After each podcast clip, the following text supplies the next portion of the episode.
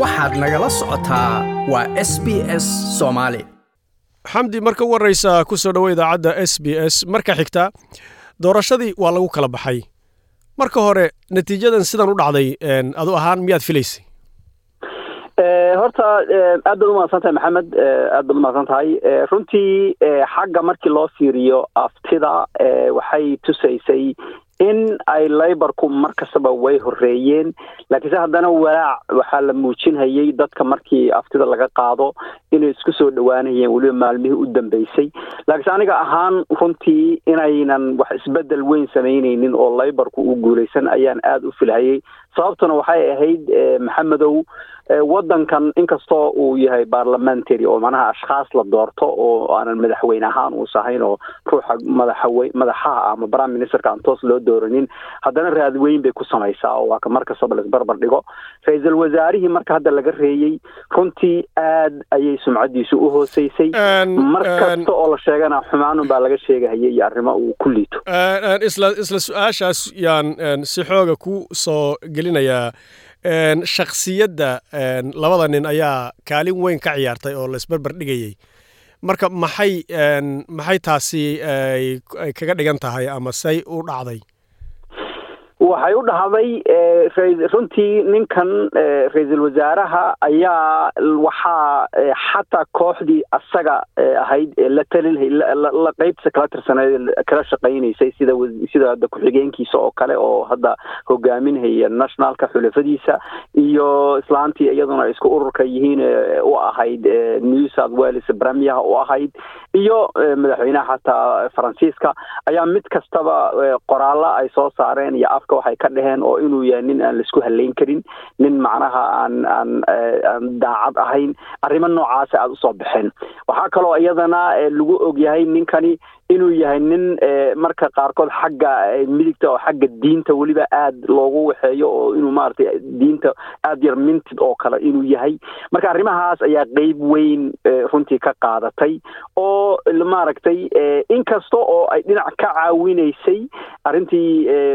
bandemiga ay dowladda lacagtu ay lacag badan faraqday oo aada u faraqday oo dadka maaragtay ay u siisay. Inkastoo dadka meel dheer ka fiiriya ay lahaayeen lacagta looma isticmaalin sidii ugu habboonayd ee dalka in lagu dhiso oo warshado iyo infrastructure in la sameeyo ahayd. Haddana dadku guud ahaan runtii way way ka heleen oo lacagtu jeebkooday gashay oo iyagaa isticmaalhayay marka xaggaasi waa dadku wuu ka soo jiitay laakiinse dhinaca kale ayaa iyadana nin loo arkahayay inuu yahay aan maarata dadkii hoos u yaqaano oo dhanba wax xun mooyeene wax wanaagsan oo badan ayna ka sheegayn isla isla su'aashaas waxaa muuqatay maalinkii u dambeysay kambaynka iyo ololuhu uu socday jamcadii galabteedii ama jamcadnimadiiba. Waxaa soo baxaysay oo weliba xisbiga leybarku ay ku ololeynayeen oo inay dumarka la hadlayeen oo ay julia gillard ra'isul wasaarihii hore leybarka iyo hogaamiyaha mucaaradkuba ay meelo badan mare intay isugu yimaadeen goob ay si gaara dumarka ay gillard oola hadashay. Marka dhankaas dumarka wax cillada miyaa ka haysatay ra'isul wasaare xaggiisa oo guud ahaan ururka liberaalka oo oo saan horaan u sheegay xag manaha conservative midigta jira oo ay tahay macnaheedu inta badan inay leeyihiin haweenku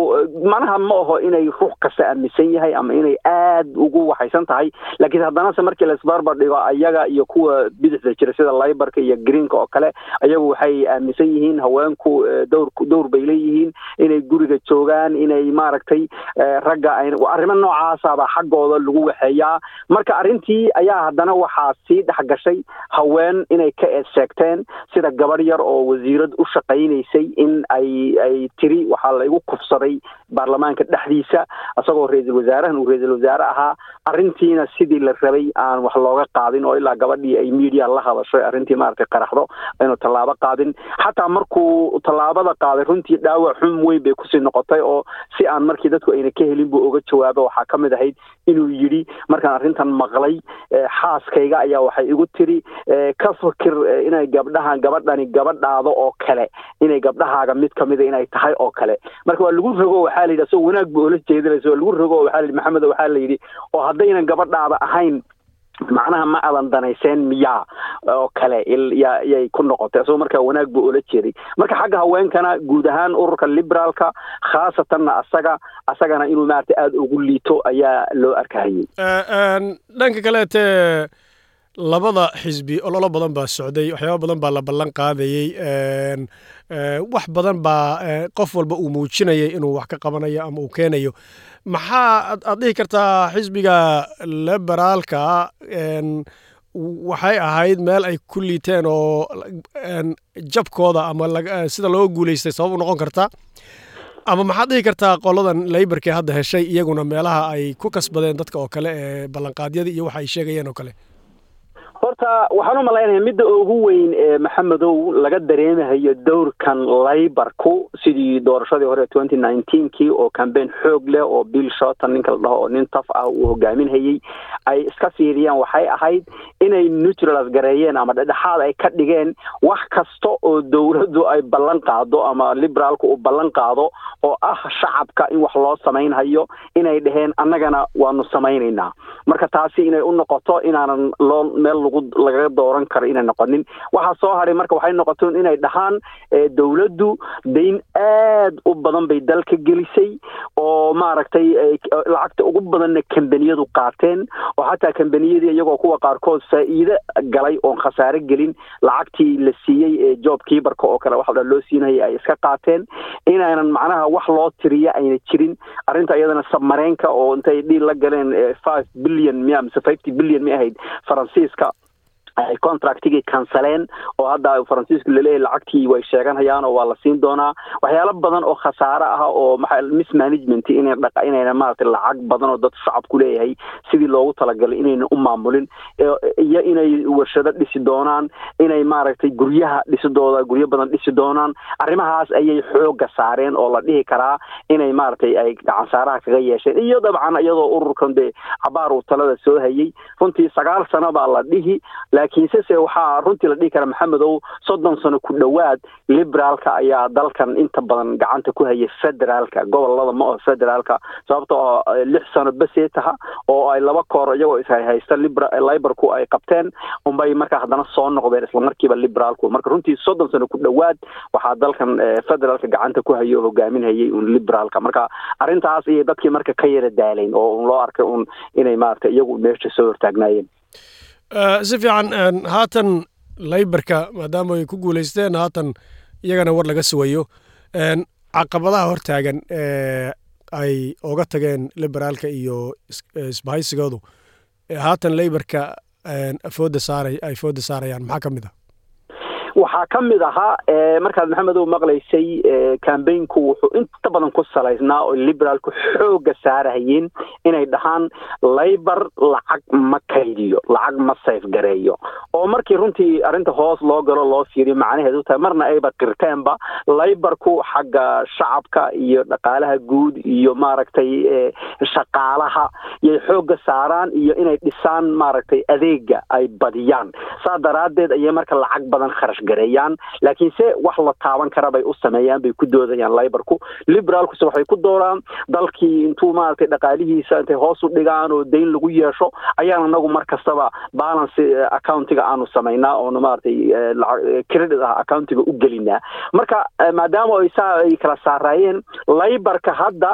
dayn badan baa looga tegay laakiin waxaan u arkaa waxay fursad u siinaysaa iyagoon dayn ka cabsanaynin inay marka dhaqaalaha dhisaan. Marka waxaan u malaynayaa oo ay noqonaysa ballanna qaadeen inay warshadihii soo celinhayaan inay maaragtay guryo dhisahayaan inay infrastructurega ay dhisahayaan ama ha noqoto waddooyinka ama ha noqoto maalaha maaragtay isku xidha magaalooyinka ama ha noqoto korontada xataa oo ay ballan qaadeen ay dheheen maaragtay fiilooyinka iyo waxaasaan lacaga badan ku bixinaynaa. Waxaan u arkaa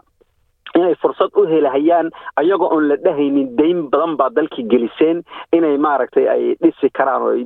infrastructure dib u soo dhisi karaan. Laakiinse waxaa iyadana de ku jirta meeshii runtii waxaa laga hadlayaa maxaa boqol iyo lixdan bilyan yaa lagu jiraa oo dayn ay dowladdu ay dowladdu qaadatay. Marka taana dee dabcan iyadana way fiirinhayaan inayna laba jibaarin oo kale oo aynan maaragtay inay dib u soo yareeyaan mooyeene inayna wax ku sii darin. Taana qalbiga kulley way ku haynayaan ugu dambeynta arrinta shiinaha ayaa iyaduna waxay ahayd arrin aad iyo aad saameyn u yeelatay oo solomon island iyo heshiiskii dambe ee ay galeen iyo shiinuhu iyo wararkii ugu dambeysay maalmihii ugu dambeysay soo baxayeen in wasiiradda arrimaha dibadda ee australia ay soo saartay qorshe ay ku rabtay in basifiga xoogga la saaro oo dhaqaalo labanlaab loo siiyo oo xogow la xakameeyo faragelinta weyn ee shiinuhu uu ku keliyaystay. Seed u aragtaas isaga oo uu berrina uu furmayo shirkan uu ka qayb galayo ku tegayo tokyo uu ku tegey hadda uu ka qayb geli doono ra'isul wasaaraha cusub uu ku tegey oo shiinuhuna uu meesha xaadir ku yahay sheekadiisu. Aad dadka isu imanaya ay ka hadli doonaan waa runta waxay horta middan siin doontaa ra'iisul wasaaraha cusub inuu isku waxa la dhaho consolidation inuu ku sameeyo maadaama ay afar isugu imaanayaan meesha ayna chinana ku jirin oo pacifica ku xoog badan waa australia jaban maraykanka iyo iyo dal kale afraad ha india iyo india. Afartaasay isugu imaanayaan inay markaa deedna dee policy iyo arrimo china ka ka horjeedo oo ku xakamaynhayaan inay la imaanhayaan laakiinse haddaan u noqono arrimaha kale dhaawaca weyn ku rida bay ka mid ahayd maxamedow liberaalka sababtoo waxyaalaha ay ay dhaqaalaha mooyeen waxyaalaha kale ay ku faani jireen waxaa ka mid ah khaasatan markii laga hadlayo bood peopleka iyo dadka maaragtay doomaha ku imaanhaya inay dhahaan securityga ayaanu ku fiicannahay nabadgelyada. Tan marka waxaa ku dhacday inay markii koowaad ee china dal ay isu arkahayeen inay iyagu aada ugu dhow yihiin oo weliba aada u taageeraan oo solomon island inay xidhiir la samaysatay oo aada ugu dhowaaday iyadoo dowladdan ay jirto inay soo socotana aynan ogeyn waxbana aynan ka qabanin. Marka dhaawac aada u weyn bay midaasi ku noqotay oo maaragtay runtii ay meelay mariyaan waayeen. Waxaa kaloo iyaduna sidoo kale aada ugu noq ugu soo noqnoqotay waxaan ognahay china inay gadatay dekeda dawan magaaladan northern territory ku taalla ee xagga ah de asia u dhow. Iyay gateen. Waktiga ay gateen ee loo fasaxay in laga hor istaagin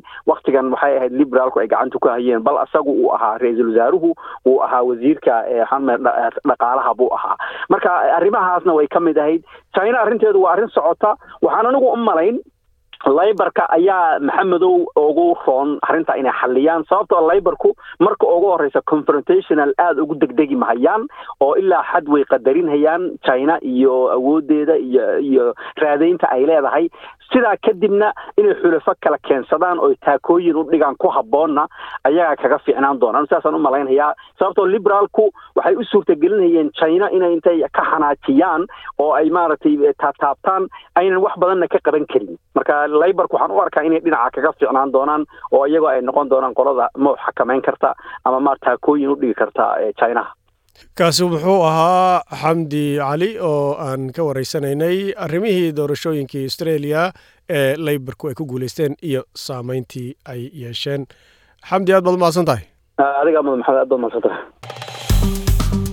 like as la wadaag wax ka dheh lana soco barta facebooka ee sb s soomaali